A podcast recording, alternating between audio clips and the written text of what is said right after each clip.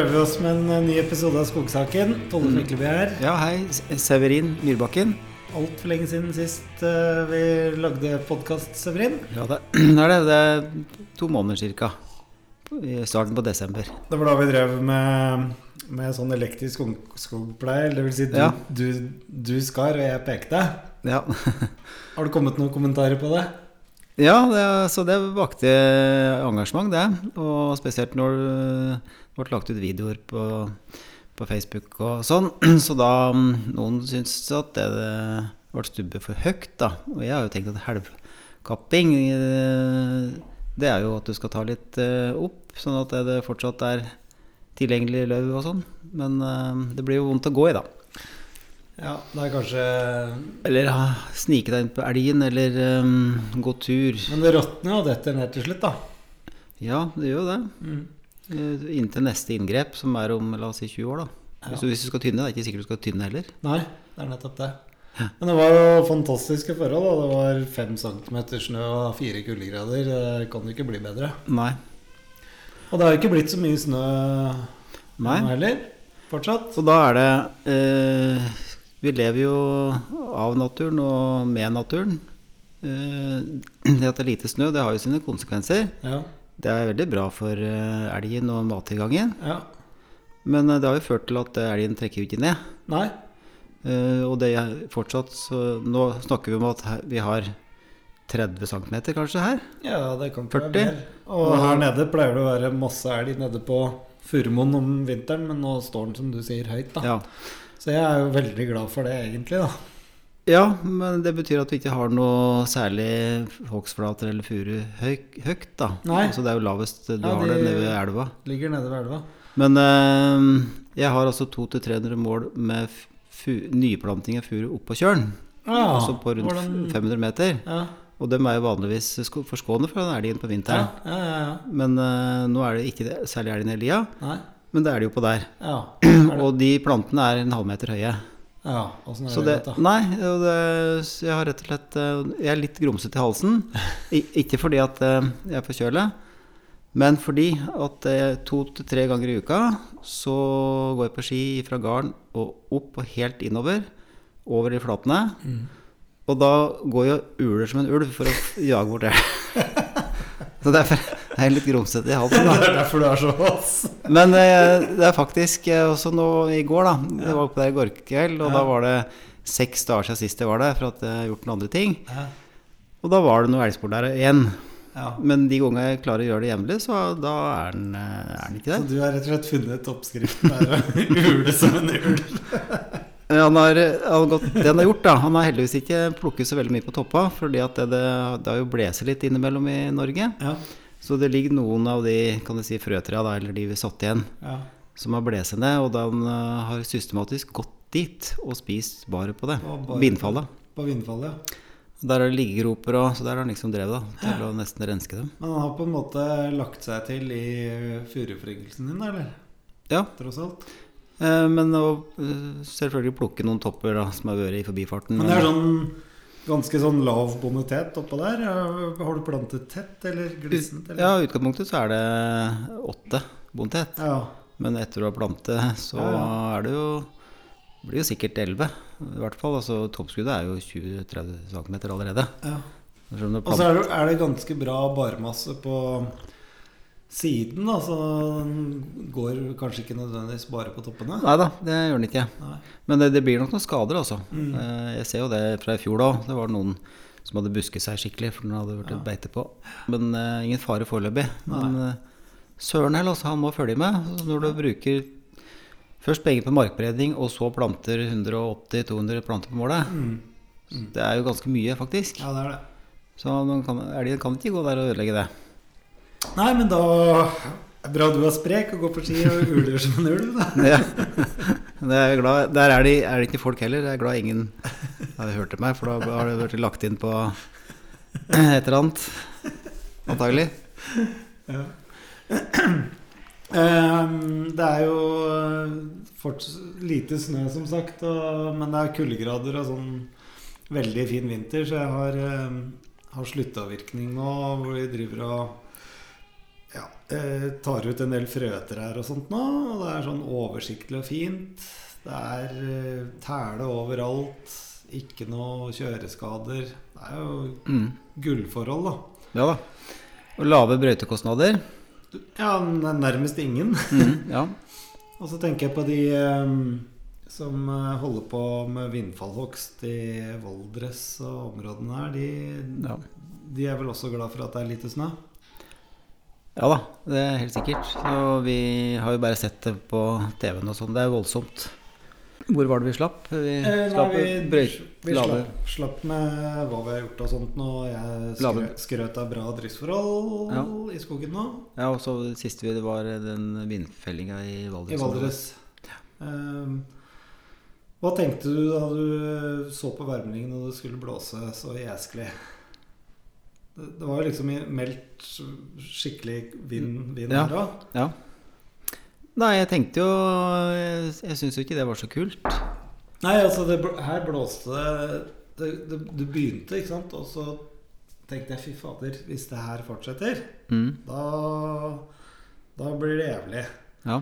Og jeg kan huske den siste store, kall det stormen, som var i hvert fall hvor eiendommen min ble berørt. Var det 16.10.1987? Nettopp. Ja. Jeg husker jeg var på elgjakt, og vi måtte rømme fra skogen fordi at eh, det var rett og slett farlig Ja. i skogen. Det datt over veien da. Ja, og da vet jeg det at eh, det ble målt inn eh, 9000 kubikkmeter mm. her Ja. med vindfall. Ja, akkurat. Og jeg husker det kom sånne svenske entreprenører Mm. og masse Texas Mm. Og sånn og sånn. Og etter det så har det egentlig ikke vært eh, sånne kalde katastrofer her. Nei, det Men da bare så jeg for meg det, det kommer nå, men det varte fem minutter. mm. Så sluttet det, og så så du på nyhetene åssen det gikk i Valdres. da. Mm. Ja. ja, for det var her. Og det var jo Valdres og Hedalen som virkelig fikk det. Å, Der var det jo- Men det er det jo skrevet mye om i tids tidsskrifter og alt sånn, og det er jo ikke noe gøy i det hele tatt. Nei. Og heldigvis så er det jo hjelp å få. Og så Ja, skogforsikringa. Men, Og- men jeg, både du og jeg vi har jo hatt uh, veldig mye jobb i vår konsulentvirksomhet uh, i de geografiene der. Og um, jeg har bare lest Det er masse sånne debatter. Nei, nå eh, Det er fordi det er monokulturer og at alt bare blåser ned. Men uh, Ja.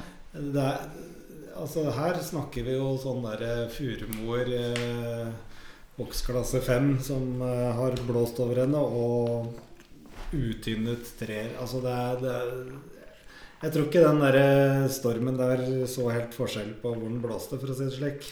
Nei, men eh, det som er interessant da, da Tollef, Ja. det er jo for at nå er jo det siste bladet Skog. Ja. Det er jo full av eh, det som har skjedd i Valdres spesielt. Mm. Og da er det en skogeier eh, som heter Bernt eh, Bjørnstad, ja. som har fått masse vindfall. Og han eh, sier 'Jeg skal bli mer bevisst på å blande gran og furu'. Ja. Det er jo Så det må jo være i, Han må ha hørt tiden. på oss, han da, eller? Det er vel flere enn oss som har sagt det, kanskje. Men Nei, vi var først. Nei, ja da. Nei, men eh, ja. Det um, det må basere seg på forskning og alt mulig sånn, men det er jo litt logisk også. Men det er klart en sånn eh, 38 år gammel eh, monokultur av gran som akkurat er tynnet, Mm. eh, den eh, tror jeg ikke tåler en sånn Nei. storm. Det Nei. vi, det er vi vel enige om. Ja, Mm. og da, da er det jo Tynningsstrategi er jo viktig, da. Ja. Og, og så For det første så er jo skogskjøtsel generelt fryktelig viktig, også med tanke på storm. Ja. Og helt til gi dem nok krone og rot og alt det der. Mm. Og skal du tynne gran, eller skal du ikke tynne gran? Og alt begynner med ungskogpleia. Ja. Mm. Så det får folk bare ha et bevisst forhold til. Og jeg lurer på, er det derfor vi har så innmari mye bøker liggende på Vi sitter på kontoret mitt, eh, hjemmekontoret mitt, holdt jeg på å si. Ja. Og vi har da stabler med bøker foran oss. eh, Noen nyere, og, men mm. en del gamle bøker. Mm. Hva slags bøker er det vi har liggende her? Nå kan jeg holde opp én. Ja, det er litt av hvert. Den, den kjenner jeg igjen, ja. Den har et, selvfølgelig skog og søylehaller på framsida. Ja. Og den er eh, grønn, eh, og den eh, heter 'Skogskjøtsel'. Ja. Av Ola Børseth. Ja. Den er fra 1986. Ola Børseth var jo en nestor i skogskjøtsel på det, da, den gang Norges landbrukshøgskole. Mm. Og han ble jo eh, eh, Han var jo professor i skogskjøtsel i en mannsalder der. Og under sterk påvirkning av han som var før, som het Knut Skinnemoen. Mm. Så den der Børset skogskjøtsel, det er jo basert på den Skinnemoens skogskjøtsel fra Mm. 1960, eller hva det er. Mm. Og Skinnemoen var vel også inspirert av bøkene til Agnar Barth. Ja. eh, enda lenger tilbake, ja. Og han, Agne Barth han døde i 1948. Ja. Så det var helt i starten, i brytningstida da, mot flathogst, han drev Mm. på som verst. Ja. Eller best. ja, det var det. Leser forresten intervju i jeg lurer på om det var Norsk Skogbruk nå med vår nye klima- og miljøminister eh, Ja. Espen Barth Eide. ja. Og det viser seg han er jo oldebarnet til uh, salige Barth. Mm. Og begge Ja. snakket om uh, plukkhogst, var det ikke det? Jo, ikke sant. Det det er jo tema nå, møtet med lukkede hogster. Mm. Og Agne Barth var jo veldig tilhenger av, eh, av bledning spesielt, da, men som da er en lukket hogst. eh, Og motstand mot flathogst. Så det beviser jo liksom syklusene vi jobber under, da. Altså regimer, altså de som gikk på skogskolen i 1960. Ja. Da, da var det jo skjematikk. Da var det jo, jo mer firkante og jo større flaten var, jo bedre. ja, ja. For da var det liksom produksjonstid og på alle, alle samfunnsområder. Jeg husker jo jeg var på sånn utferd jeg gikk på oss. Og det her var jo på 90-tallet, og tross alt så var jo halv, halvparten av kullet var jo Eller i hvert fall en tredjedel av kullet var, eh, var jenter. Mhm. Såpass, ja. Ja da, det var, var det. Og da husker jeg vi sto på Det var på Mathisen Eidsvoll Verk og så på um, en sånn eh, 20 år gammel ungskog, da, som anlagt på 70-tallet sikkert. Mm. Og han eh, Jeg tror ikke jeg skal si navn, men i hvert fall Han eh, som var da professor i driftsteknikk, da. Han stilte seg opp og pekte utover den der enorme Som må ha vært en hogstflate på sikkert 400-500 mål. Mm. Og så sa han Her, gutter, ser dere skikkelig skogbruk. Mm. Snauhogst, markberedning og planting. Mm, Ja. Og det var jo da en fantastisk foryngelse, da. Det må jeg si. ja. Og, ja, men det var ikke bare gutter som sto der, for å si det sånn. Nei. Nei, men han, var- han var av den skolen da, som Ja. du snakker om nå. Ja, ja. Ja da.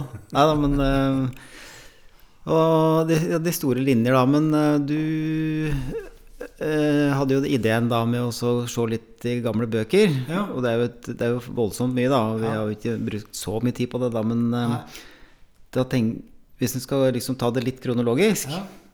så bare mm, nå, nå blir det jo sagt at eh, nå er det liksom høykonjunktur. Mm. Og det er mange som tror at det, nå er tømmerprisene veldig høye, Mm. fordi trelastprisene er så voldsomt høye. Mm. Og så er det ikke det helt sant heller. Nei. Jo, sagtømmerpriser er nominelt sett eh, eh, veldig høye, men reelt sett så er de egentlig ikke så høye. Nei. Og uansett, da, så det er det er- positivt for skognæringen Ja. at, er- at sagtømmerprisen tross alt er på et brukbart nivå. Mm. Um, 1870 var de tømmerprisene kjempehøye. Ja. Og da, da mener vi veldig høye. Ja. Mm. Eh, altså re Realinntekten per kubikk da, den har vi ikke regnet på, men den var fryktelig mye høyere enn i dag. i hvert fall. Ja, ja. Og så oppe i, i Rendalen så er det en uh, forfatter som er eh, i hvert fall godt kjent i Østerdalen, og kanskje litt utafor det òg. Han var uh, sønn av en prest og hadde dikterevner. Og skrev veldig mye. Og han beskrev den tida i Rendalen når uh, tømmerprisa var veldig høye, da. Nå sitter du der, nå sitter, ser jeg du sitter her med en sånn gammel bok, og Det- det, står Jakob Breda Bull på den. Ja, den er uh, veldig gammel, ja. Den er gitt ut i 1913. Mm. Eh, Så han skriver, jeg skal bare ta litt utedrag, mm. eh, så skriver da Jakob Reda Bull For det hendte eh, For det er hendt i dalen at skogen, som skulle være dens beste venn, er blitt den største fare. Da tømmerprisene med en gang gikk så uhørt i været i 70-årene, ble som med et slag hele Østerdalens utseende og hele bondens levesett omskiftet. I de øde skoger, hvor før bare et enkelt skudd ved høst og vår meldte at nu falt en bjørn eller elg, der begynte tømmerøksens knappe, grådige lyd at klinge, hele vinteren gjennom. Der hvor i gammel tid bare en, en og annen hundreårsfuru eller kjempegran sank brakende i jorden av elde, der begynte nå unggran og ungfuru at styrte i hundrevis som stønnende slaktedyr under økseslagene. Og fremmede tømmermerkere gikk omkring, valgte det beste og lot rot og krone ligge igjen som dynger av lik bortover de glesne moer. I hele ti år herjet tømmersvindelen dalen, som en rivende vårflom. Formuer flyttet seg eller gikk til grunne. Nye dukket opp hvor en minst tenkte det. Tro, tillit og gammelt vennskap mann og mann imellom ble revet bort av pengegriskhetens flom. Dette var i 1870-årene. Ja. Ja. Vi er vel ikke helt der nå? Nei, nei, men nei, absolutt ikke. Og samfunnet har forandret seg på mange områder. Ja. Men eh, det var liksom da, da var det høykonjunktur, og det vet vi. Altså, jeg, her på gården så har vi fryktelig mye gamle bilder, og også noen sånne oversiktsbilder. Og da kan jeg se opp i lia øh, østlige her, Mm. på mange av de bildene. Og du, du, kan, du kan ane hvor uh, uttag det er. Det Mm. er ikke hogstflater, men Nei. det er jo da Det er jo skog, men Ja, den Dimensjonshogst sikkert. Da, Ja, ja, ja, skulle det ha er altså tok. så, Du ser det er så glissent. Ja. Det er sånn bilde som er tatt på vinteren, og det Mm. ja, og det var til å hogge mye. Og skogskjøtselen var vel ikke helt utviklet da. Nei, de første forstmennene fikk jo utdannelse i Tyskland, sånn som Peter Christen Asbjørnsen og, Mm. Og Ba- Barth og alle de der. De hadde vel utdannelsen sin fra Tyskland. Ja. Og da han eh, Agnar Barth, da. Mm. Han er, er født i 1871. Ja. eh, og en eh, markant skikkelse i skogskjøtselhistorien. Han kalte skogen vår for vår nasjonalformue. ja. Og han var da veldig bekymret for vår nasjonalformue. Mm. Som eh, det ble jo da åpenbart hogge mye og hardt. Eh, Han mente Og på bakgrunn av det, da, så skrev han i 1916 en bok eh, som heter 'Norges skoger med stormskritt mot undergangen'. ja. Og det var i 1916. Ja, Og da, da var, var, det, det var, ikke, var det ikke en artikkel? eller? artikkel var det Jeg tror det var en artikkel. Og, men da Det resulterte jo i Skogkommisjonen og det som ble det vi kaller Landsskogtakseringen i dag. Mm, De feiret vel 100 år må ha vært rundt 1919. ja. Landsskogtakseringa. Det er jo et prøveflatenett og en statistikkbank som få land har. Eh, om noen land har det. Mm. Altså, det er utrolig mye data. Mm. Og den viser jo da eh, Jeg har ikke de konkrete tallene, men eh, vi har bygd opp kubikkmasse hele tida Ja, ja. etterpå. Voldsomt. Så sånn sett så er det jo Men, men debatten gikk jo veldig på hvorvidt det skulle være eh, bledningshogster. Og så, som du nevnte nå, så etter krigen så ble det mer flate hogstskogbruk. mm, Um, så det var jo heftig debatt. Det var det. Mm. Eh, Og alle er jo preget av sin tid. Eh, Agne Barth eh, mente mm, at bledningen var liksom det riktige, da. Mm. Og var veldig mot flatehogst. Mm. Så, men eh, det går i bølger hele tida. Ja. Og som vi sa i stad, sånn 50-60-tallet, landet skulle bygges opp igjen etter krigen. Mm. Da var det produksjonstid. Vi tok ikke så mye hensyn til miljøet. Og så kom jo 90-tallet. ja, da sitter jeg med en bok her fra 1990. Den er fra Skal vi se. Her har jeg skrevet Det var jo da du Tolle Mykleby. Norges landbrukshøgskole 1994, ja. Det er eh, flerbruk, flerbrukshensyn i skogbehandlingen. Mm. Så da Da kom vel sånn flerbruk og miljø virkelig Ja, da var eh, da for fullt, sånn da. veldig eh, med tegninger og illustrasjoner. Ja. Så du kan vel si at eh, det var et resultat av eh, av eh, sånn veldig ensidig produksjonsskogbruk på Mm. 60-, 70-, 80-tallet. ja, det var det. Og særlig friluftsinteresser og Ja. naturvernorganisasjoner eh, Mm. presset jo på. Det har vi jo snakket om før. altså eh, Kan være enig eller ikke uenig, men det er klart det vi ikke tenker på i dag, f.eks. det å sette igjen kantsoner langs myrer og livsløpstrær og Ja. alt, alle hensynene som skogbruket tar, de, de er jo presset frem fra et sted. Det er de. Men eh, det var også momentet for å ta andre hensyn enn næringen. var også, Det var en annen grunn til det òg. Det var jo at det, eh, rotnettoen, eller eh, den økonomiske betydningen av skogen, var jo fryktelig mye mindre i 1990 enn den har vært fra 1955. var den jo enormt høy. Ja. Så det er klart det er veldig lett å presse en næring hvor det tross alt ikke er så mye inntekter. Mm. Ja, Eh, For de næringene som eh, betyr mye for Norge, Ja. de gjør jo stort sett som de vil. ja. Eh, Oppdrettsnæringen, oljenæringen. ja. Ja, mens skogbruket var plutselig degradert og betydde ikke så mye. Nei. Og da er det jo lett å ta tak i, og skogen Alle har et forhold til skog. Mm. Folk som går tur, Ja. osv. Så. Mm.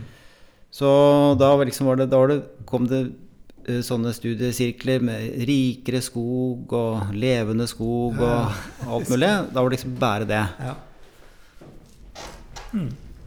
Og, og så Nå er vi litt, litt tilbake. Nå er det, det er ikke snudd, men nå er liksom de i hvert fall em, elementære um, eh, miljøhensynene, de, de er bare innarbeidet. Det er veldig innarbeidet. Det er ingen som Men vi reagerer på det nå. Nei, men nå er det veldig sånn trykk på at vi skal produsere, Mm. skal markberede Mm. og drive skogen skikkelig. Ja.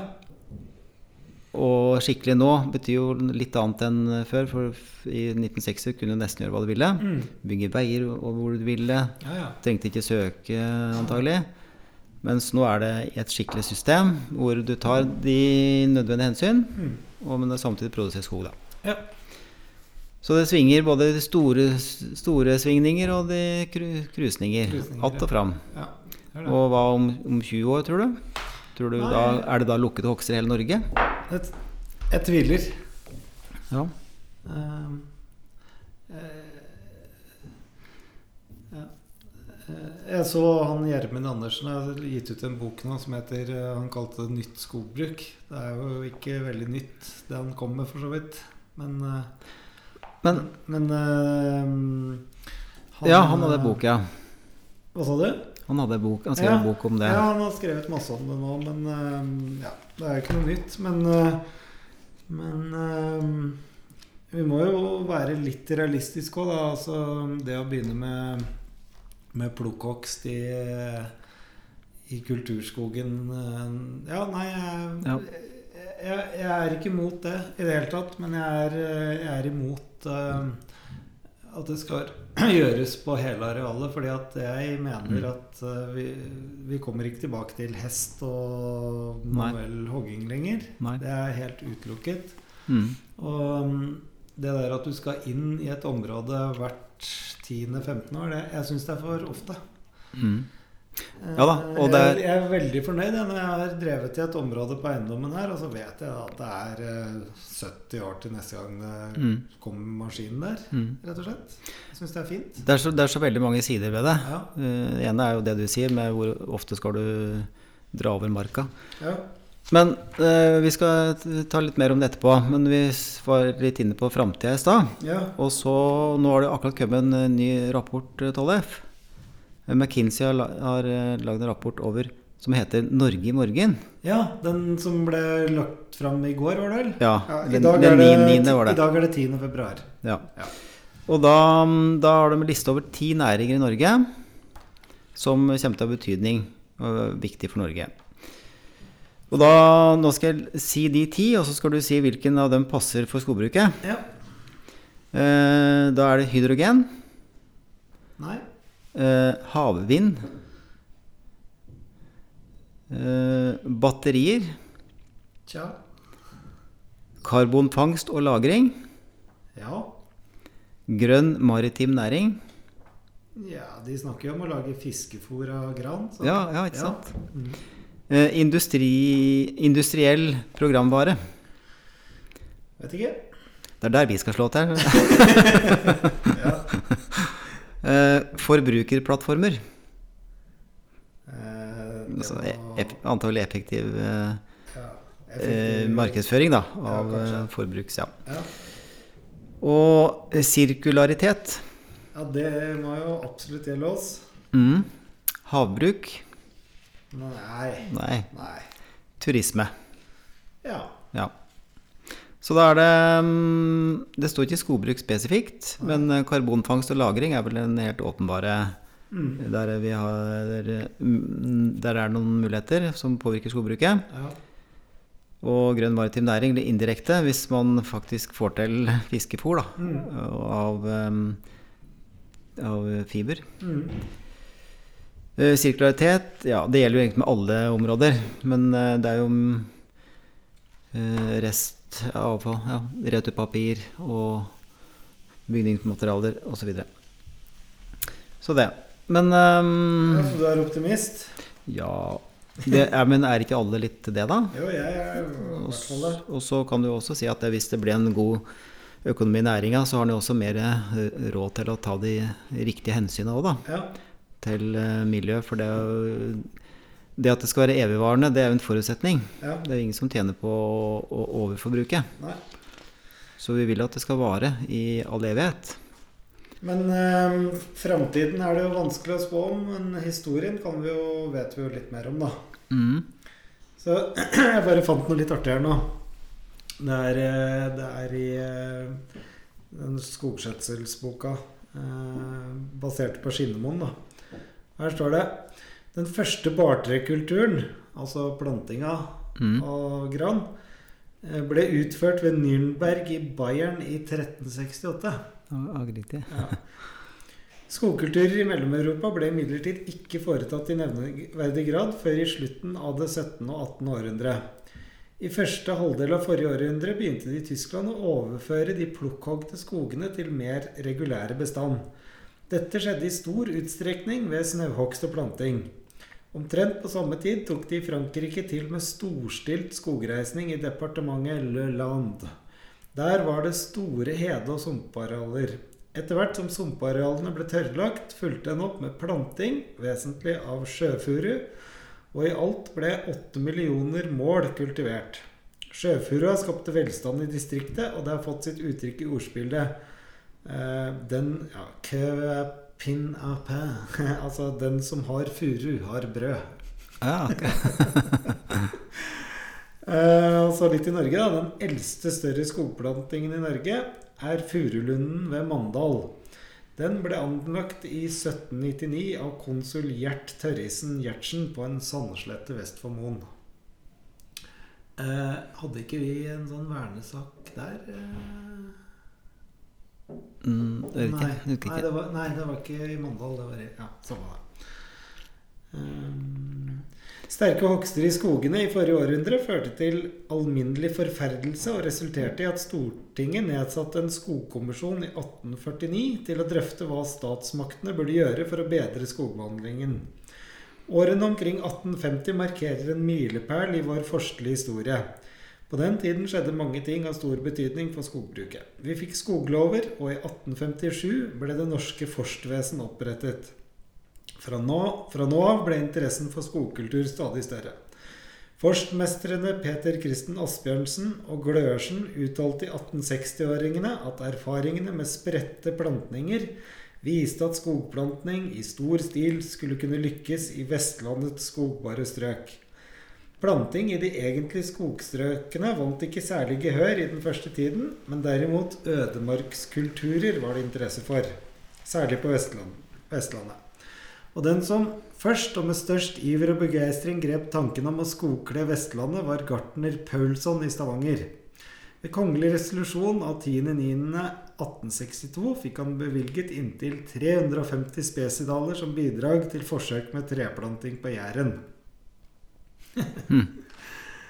Så skal vi se om jeg finner Og, og når var det, sa du, Jæren i Det var i 1868. Ja, da, da er det det som heter Njåskogen, helt sikkert. Ja. for- Som skogselskapet har i dag. Ja, det er det. For der er det, der er det store skoger eh, og gamle og den Ja.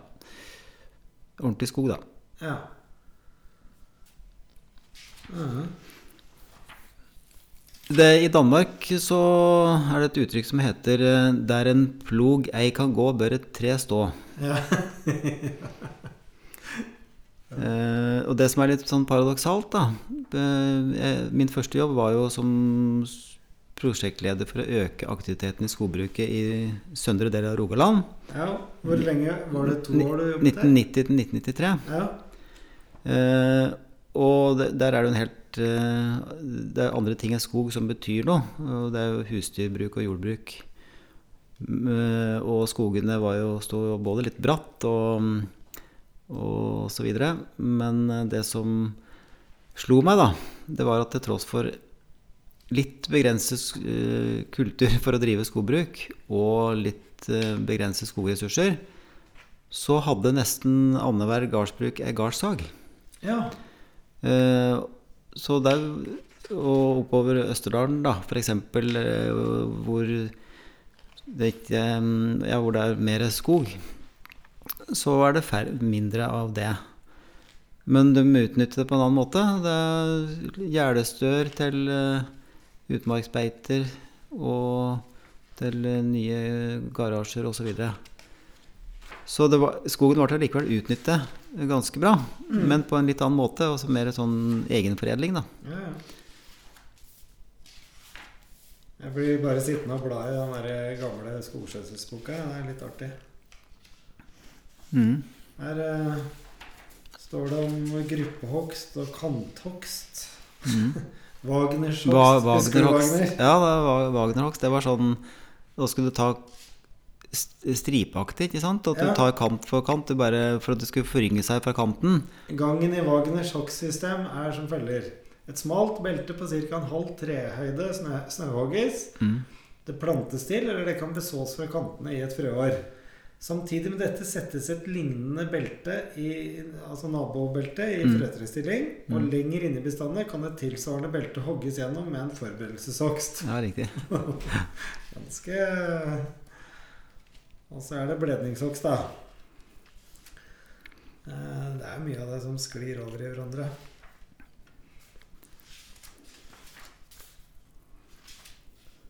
Her står det Det her er da i 1984. Da. Den, den rene bledningshogst spiller i vårt skogbruk svært liten rolle. Mm. Den kan brukes for gran på våre beste marker i det sørlige Norge, hvor foryngelsesforholdene er gode. En forutsetning er at skogen på forhånd er bledningsartet, dvs. Si uregelmessig i sin oppbygging hva alder og dimensjon angår. Videre må skogen kunne drives intensivt med relativt kort bledningstid. Det er helst i de mindre skoger, gårdsskogene, at dette kan skje. Ja, Mm. En mer ekstensiv form for bledning er ofte aktuell i skoger med liten rotnetto, f.eks. i mange av våre høytliggende skoger, som ofte har en nokså varierende dimensjonssammensetning. Men det var en annen forutsetning da, for å drive bledningshogst når arbeidskrafta var billig, og du drev veldig manuelt, for å si det sånn. Ja, altså, altså, du drev med hest og svans, da. Vi hadde jo en episode hvor vi eh, intervjuet eh, gamle Håken G. A. Mathisen, og han, Mm. han satte jo i gang eh, Han var jo ung da da han overtok, men han mente jo at han hadde Han kalte det tynnet gjennom eiendommen. Mm. Titusenvis av mål. Mm. Og da var de på hver kvadratmeter på hele eiendommen i Mm. løpet av noen år, da. Ja da, det var jo Det er sys- veldig intensivt. Syste, Ja, det var jo faktisk det. Mm. Sjøl om det så eh, Ja, det så Det var ingen flater, og da ser det ut som det er sko overalt. Men, Mm. men eh, drifta var jo faktisk mer intensiv Ja. per arealenhet Ja. enn en flathogst. Ja. For da skulle du ha omdrev på kanskje 15 år, da. At du skulle inn hvert 15 år og plukke. Ja, det er nettopp det. Ja, Så så sånn var det. sånn var det. Nei, skal vi få fylle på kaffen? Ja. Jeg lagde Det er faktisk presskanne fra Langøra kaffebrenneri. Mm. Skal vi se.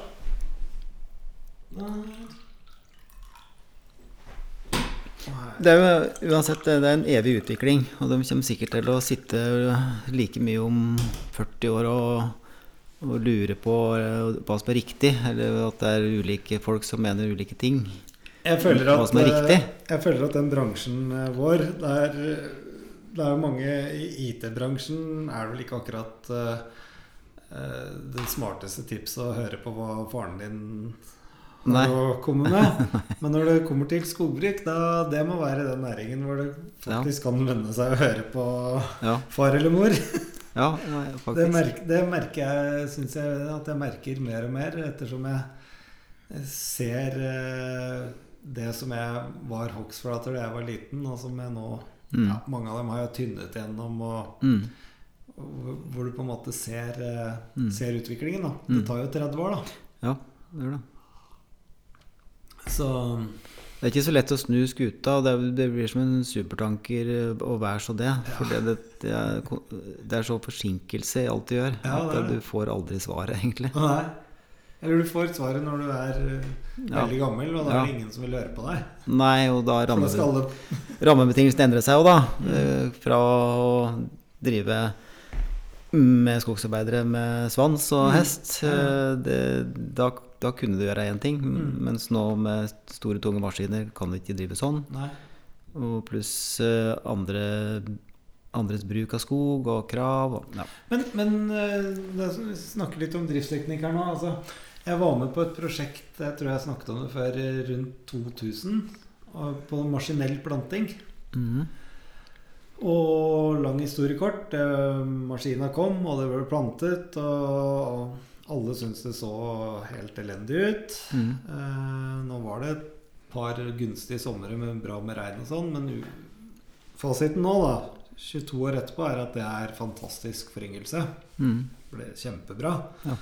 Men eh, så kom jo utvidelsen av EØS, og alle østeuropeiske land eh, gjorde at eh, det var ikke bare jordbærbøndene som kunne ha utenlands arbeidskraft lenger. Og det kom jo masse arbeidsinnvandring fra Øst-Europa. Og da ble det jo billigere å leie inn de, de til å plante enn eh, den der maskinen. Enn å utvikle det. Ja. Ja, så, det, så det bare stoppet fullstendig opp, fordi det, det kom jo Mm. masse arbeidskraft. Um, og nå har vi hatt eh, pandemi. Det har jo vært litt sånn stått Mm. om mye det, det har jo vært en, for å si det forsiktig, en utfordring mm. å få, få inn hjelp. Mhm. Og, og det var jo pandemien, men nå har du jo eh, Det er jo en økonomisk utvikling. Polen har jo en bra økonomisk vekst. Eh, Krona har svekket seg, norske Mm. krona. Mm. Eh, Det er jo ikke gitt at vi får inn all den Nei. arbeidskraften vi trenger. Nei. Så jeg er litt spent på om det blir pustet litt liv i, i ja. Maskinell planting Ja. og eller me mekanisert, Ja, og også så ungskogpleie. At, at det må skje noe Ja på teknologiutviklingen der. Det er, det er jo noen spede forsøk eh, også på um, maskinell um, ungskogpleie. Mm. Avstandsregulering. Ja. Det er jo noen sånne små maskiner som er prøvd og sånn. og men Og så kan vi lett si at det, ja, men i Norge er det så både stenete og Mm. kupert at det her går, går ikke, liksom. Men, ja, men blir det eh, for dyrt, da, så ja. må, det, må man finne på noe. Ja. Og jeg syns planting har blitt veldig dyrt nå. ja. Så både du, kostnadene til plantene og så det, ja, Og selv om du kan eh, Nei, det er, det er dyrt, altså. det er det. Mm. Men man skal aldri um, utelukke teknologien. Eh, nå vet jeg at det er et forsøk i Sverige på eh, tynning med drone. Nei. Jo, det er det. Ja. En drone som kan løfte 150 kilo. Ja. Så nå forskes det på det. Økonomien i det, da. ja. Så det er ikke sant det, det, Kanskje vi ikke Det- trenger skogsbilveier om 50 år. Ja, men hvis du skal jakte elg, da, hva skal du gjøre for noe? Må du gå, da. Langt. Jeg bruker drone, da. Ja. Nei, men uh, vi klarer ikke å se for oss hva som er tilfellet om 100 år. Nei. Det klarte vi ikke for 100 år siden heller. Nei. Ikke muligheter. Så. Men det er det mange som har snakket om før. Så um, La får oss, gjøre, la oss gjøre ikke det snakke om det. Nei, gjøre det beste. Vi får produsere tømmeret, sånn at det i hvert fall er klart. Ja, Det er jo på en måte grunnleggende. Ja. Altså Et uh, areal med biomasse er jo mer verdt enn uh, areal uten det. Ja, det er det. Det er helt sikkert. Ja. Og da karbonfangst, eh, det var jo en av tingene her. Mm. det gjødsles mer enn før. Mm. Og en forskningsrapport Skal vi se om jeg finner noe om gjødsling i den der skogskjøttelsesboka. ja, Gjødsling òg er jo Det viser seg i hvert fall at um, gjødsling er vellykket, da. I forhold til eh, økt tilvekst. Og at det har en effekt, at det er på en måte verdt penga. Ja. Så det stimulerer fortsatt til det.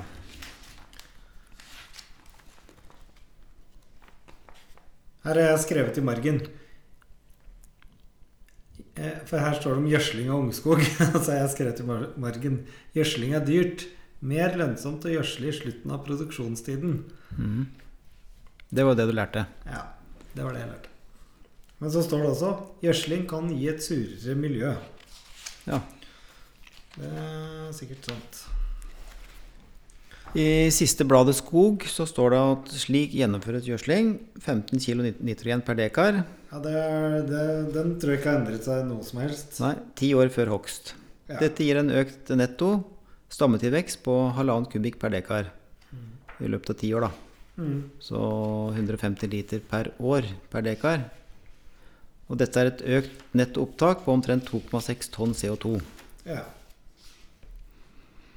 Eh, eh, Det med karbonlagring, eh, Tollef Vi i skogbruket vi snakker jo om løpende tilvekst Mm. og årlig gjennomsnittlig tilvekst over tid. ja. Løpende tilvekst det er jo da hvor mye mm, et bestand øker i volum fra ett år til et annet et. Mm. Og når granskogen din på en G17 er 50 år, da har den en veldig høy løpende tilvekst. ja. Det er liksom Først du har fått en brukbar stammevolum, Mm. og i tillegg så er det fortsatt i god vekst, så det absolutte volumet som økes, er, er høyt, da. Og så Og det Den holder seg jo ganske en god stund. Og så tenker du at det, ja, men nå trenger jeg penger, så jeg avvirker det her når det er 70 år. Ja. Og fortsatt har det en veldig bra tilvekst. ja. Men det lønner seg for deg rent privatøkonomisk å avvirke det. Mm. Men lønner det seg i forhold til karbonbinding? Al altså karbonbinding betyr jo å optimere volumproduksjonen Ja. i evigheten. ja. Mens eh, det er ikke en direkte sammenheng mellom eh, økonomisk optimalitet og volumtilvekst hele tida. De, de, de ligger nær hverandre, men det er ikke sikkert de samsvarer helt. Nei. Så Det er jo noe man kanskje må se på, da, hvis, det, hvis karbonlagring er viktig. Ja, hvis man får betalt for det. Ja. Her står det gjødsling og tynning. Det har vært fundert på om gjødsling kan erstatte tynning. ja. En kan vel til en viss grad si ja. Gjødsling hever boniteten og en høyere bonitet både kan og bør ha en tettere tresetning og en større kubikk kubikkmasse lavere. Det var en del selvfølgeligheter her, syns jeg. Mm. Og der har du skrevet i margen eh, ja, 'Dette er tutene på'. ja. Så, det, er, det er jo faktisk veldig gøy å lese sånne gamle bøker, da. Men eh, Mm. det er mye sannheter òg. Selv om det Ja, på skjøtsel. Ja, på skjøtsel så er det jo det. Det blir jo fylt på med ny kunnskap. Um, Ja, det. mens f.eks. de lærebøkene som var i um, tremåling, da, eller eh, Ja. takst, ja, de er jo de er vel eh, relativt utdaterte. Ja, altså Teorien bak er jo ikke utdatert, Nei, men eh, med- med- gjøres på Prøveflater og sannsynligheter. Men Mm. eh, det er klart, hvis det du leser bøkene fra 1980 Ja. og mener du kan gå rett inn i en planselskap og skal gjøre jobben, så litt, altså. får du et lite sjokk, tror jeg. Laser, hva, hva er det? Hva er laser, ja. ja. Absolutt. Em, vi må få oss noe formiddagsmat, Ja. så vi tar en pause. Mm. Sånn, da fikk vi fylt på med litt mat. Du, um, vi fant jo noen bøker i bokhylla her. Mm. Her har, vi, her har vi da Skogbruksboka fra 1961. Og vi har drevet og bladd litt i lunsjen, og da fant vi eh, om gjødsling Nei, om uh, grøfting av myr. Ja. og eiendommen din, eh, er, den går jo fra elva, men det er jo litt høyereliggende òg, med noe myr, myrdrag. Ble det grøftet mye der? Absolutt. eh, Ja, det er myrkjøl på toppen. Mhm. Og alle større myrer har sånne striper Ja. i seg. Men dype eller ganske grunne grøfter? de, var, de var dype, Ja. helt sikkert i sin tid. Og der står det Det er mett i sånn småfuru eh, oppå, kan du si, oppkastet, da. ja. Eh, og de eh, blir liksom ikke høyere enn to meter. Nei. At det er eh, 70 år siden, sikkert. Ja. Enda mer òg, kanskje. Eh, så, sånn er det jo overalt. Mm. Og jeg husker når jeg begynte på Ås eh, i 1984. Da hadde vi en um, lærer som het Oddvar Haberån, skjøtselslærer. ja, han hadde jeg òg. Ja, og han hadde nok eh, tatt en doktorgrad på grøfting. Torv, torvmark var hans spesialitet. Ja, Ja. Så vi lærte mye om det, da. ja. Uh, Men eh, aldri praktisert det. Så det, det på en måte oppdager på eh, eh, Det som man kunne vært flinkere til, det er uh, også å grøfte næringsfattige myrer, sånn som de gjorde, det er ingen vits i. Nei.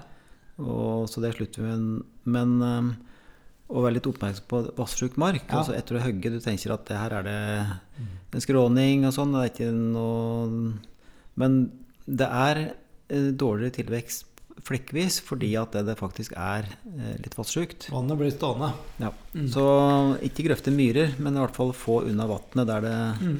Der det blir stående. Ja. Mm. Det er viktig, altså. Det er viktig. Nei, det er noe jeg praktiserer. Men jeg ser eh, eh, på sånn eh, lavereliggende områder her, så ser jeg at eh, salig professor Haveråns eh, tekster har blitt tatt fram. For det, jeg har noen områder som jeg ser har blitt Som er torvmark, da. Mm. Som har blitt grøftet, hvor det faktisk er vellykket. Ja, akkurat. Men så er det jo altfor mye av det mislykkede. Mm. Men det var nok mye Det ble nok gravd med traktorgraver og Ja, traktorgraver.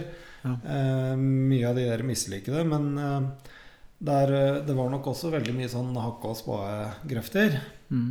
Og Eh, dynamitt. og ja, dynamitt. Men mm, det jeg ser, er at veldig mye av de driver og vokser igjen nå. Så jeg har en sånn myr som er litt sånn lavereliggende, hvor det er sånn bjørkeris i knehøyde. Mm. Men nå Altså, de, det grøftsystemet der, det, det kommer til å gro igjen. Så det blir jo myr igjen, da. Mm. Ja, da, det er jo det man ønsker. Nå Ja. brukes det jo penger på å tette igjen eh, disse myrene. Ja. ja, da går det jo fortere. Men Ja. det vokser jo igjen. Det fyller seg igjen til slutt. Ja da, det gjør det. Um, Men det, det er jo et bevis på liksom pendelen, da. Jeg har brukt mye ressurser i, for 70 år siden på å grøfte. Ja, helt fram til 70-tallet, ja, vil jeg vel si. Ja, og skulle produsere. Og nå gjør vi motsatt. Nå skal vi tette igjen det. Ja. Så det er kar karbonbinding. Ja, ja faktisk. Mm, det er det. Det er motivasjonen. Og flom, da. Og så Ja. vannhusholdningen generelt i Ja. dalførene. Mm. Eh, Så det, der har vi snudd eh, tilbake. Mm. Og utenlandske treslag er jo ja, også et eksempel. Men da er vi tilbake til det du sa. Altså, man, skal jo, man må ikke bli helt eh, eh, mer katolsk enn paven heller. For det er klart at det du sa, det jo, hvor du har sånne søkk eh, på et hogstfelt hvor det blir stående vann, det er jo viktig å få litt bevegelse på det vannet. Ja da. Og det er jo et eh, inngrep som absolutt ikke er eh, irreversibelt, for å si det slik. Så det er jo Mm. bare snakk om å åpne opp og få litt bevegelse.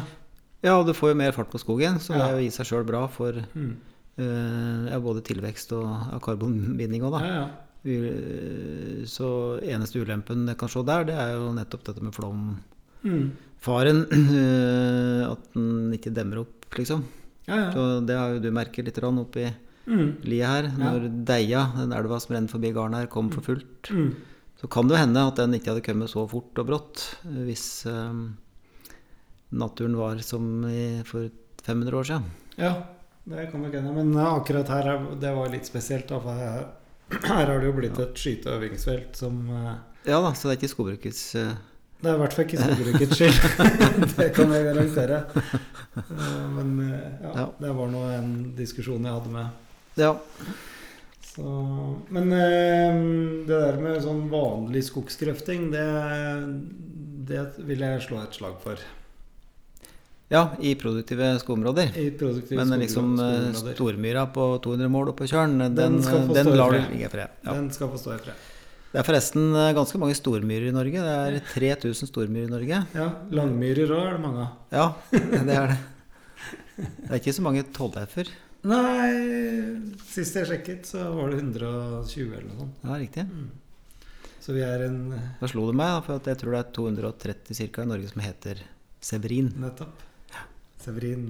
Det var en digresjon. Ja, det var det.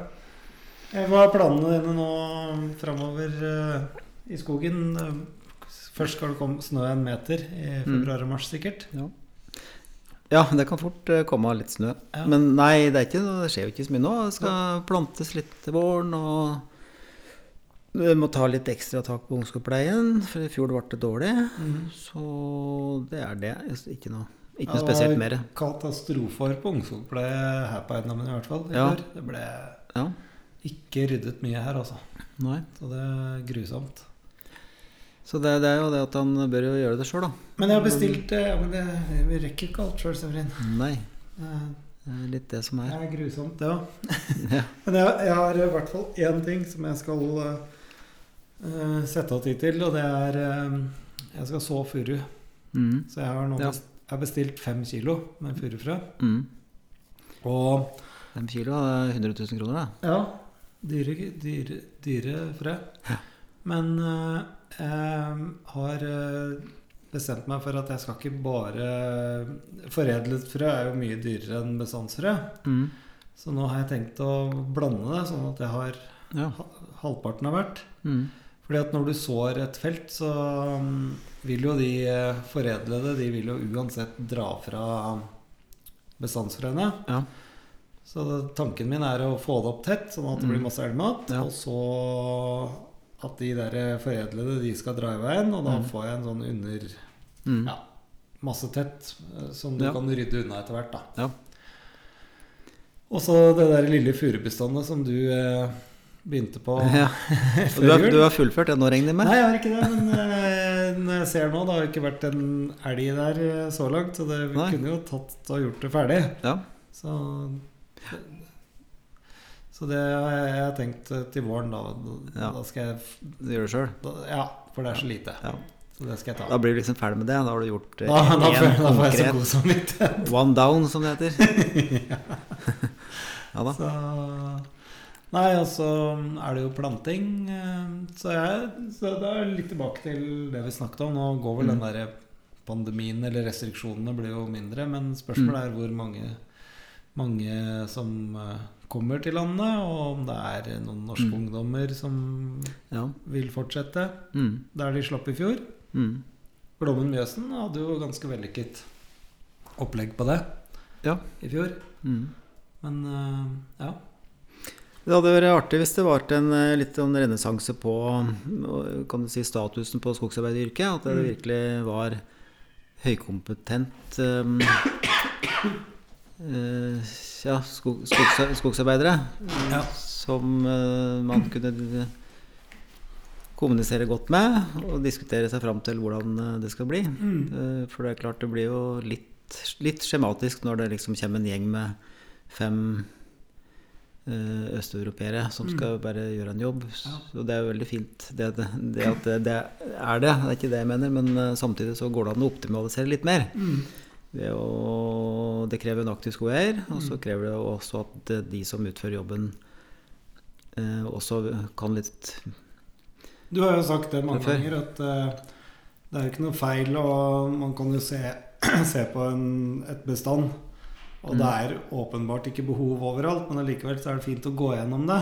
Ja. Og det er, det er en sånn ting som irriterer meg litt. Det der at du setter på en gjeng, og så får du en regning på 350 kroner målet uansett. ja.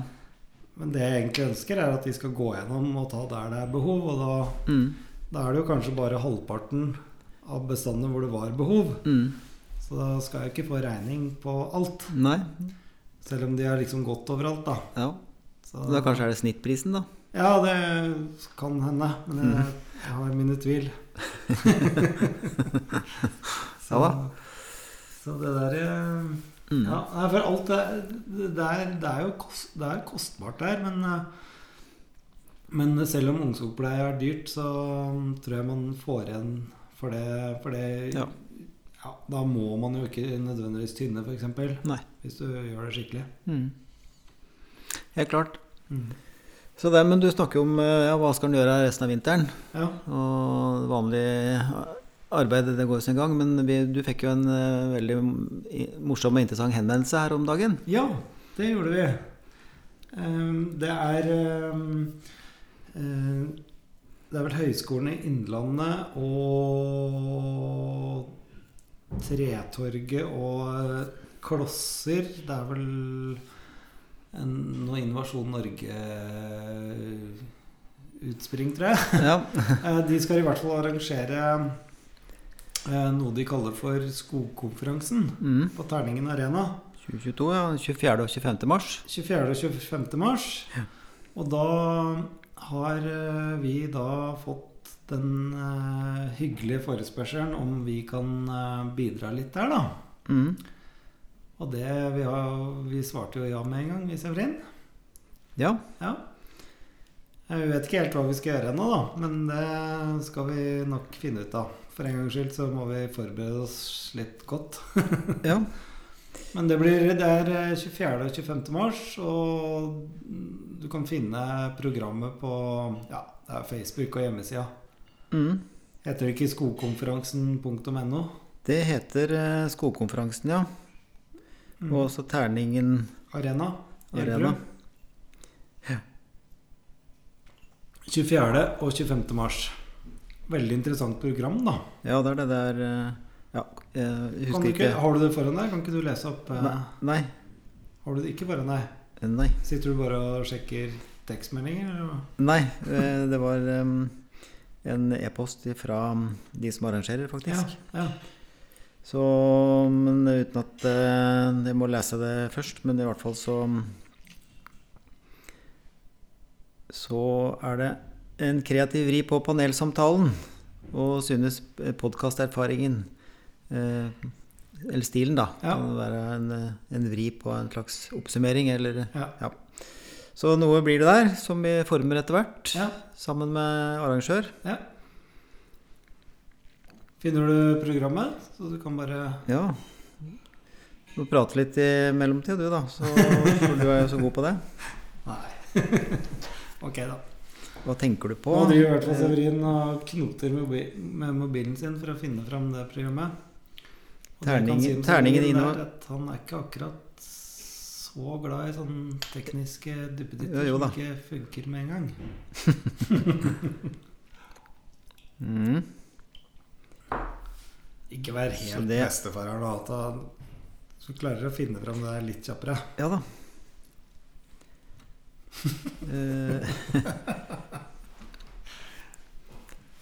Eh. Nå må jeg snart trykke på pause her.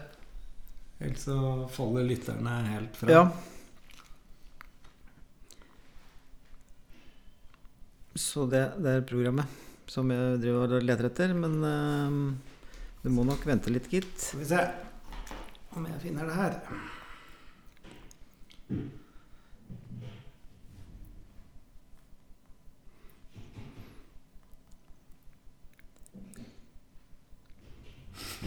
Program og tidsplan. Jeg fant det, jeg, skjønner du. Ja, bra.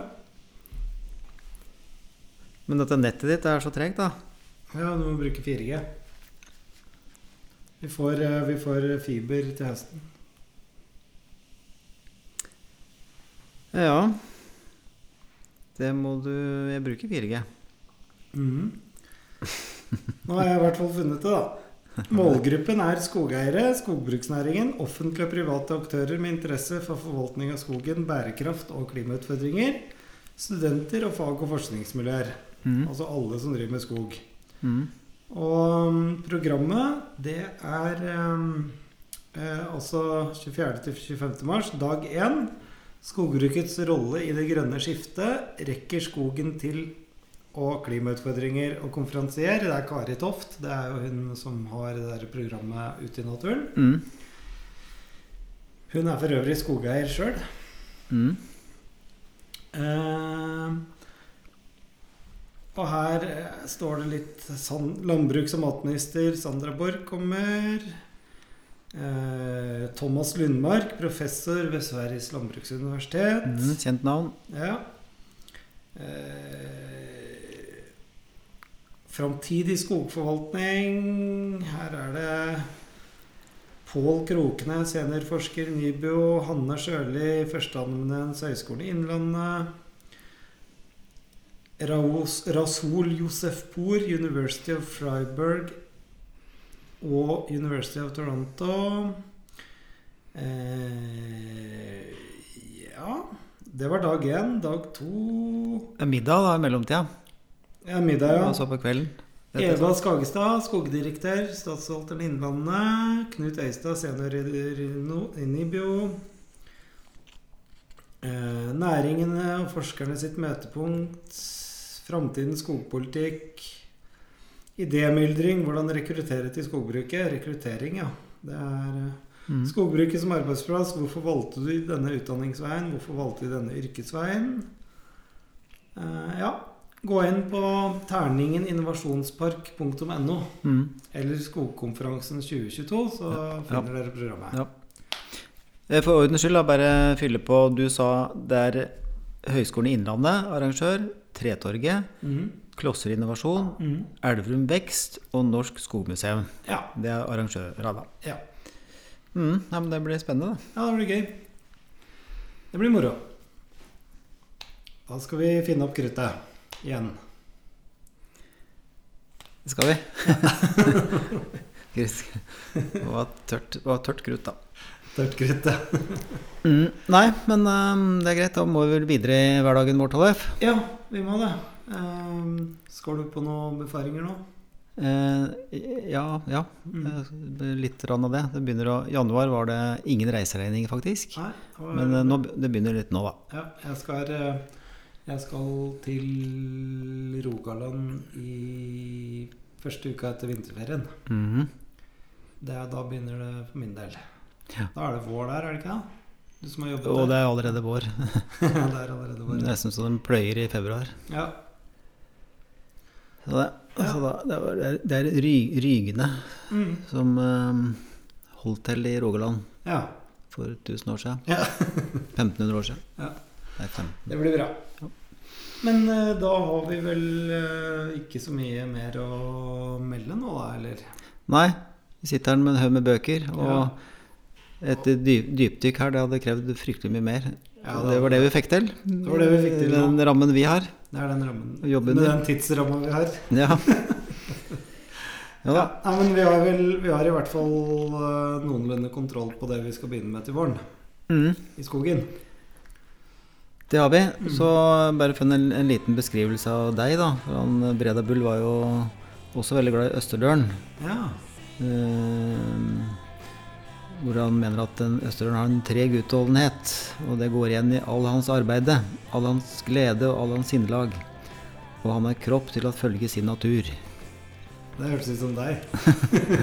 Ja, vi sier det deg, da. Og så er han også Østerdølen er også øm for tvang og tøyle som en vill elg i skogen. Ja, det, Det er deg, da. Det, det var. Ja, ja. Ja. Det er greit.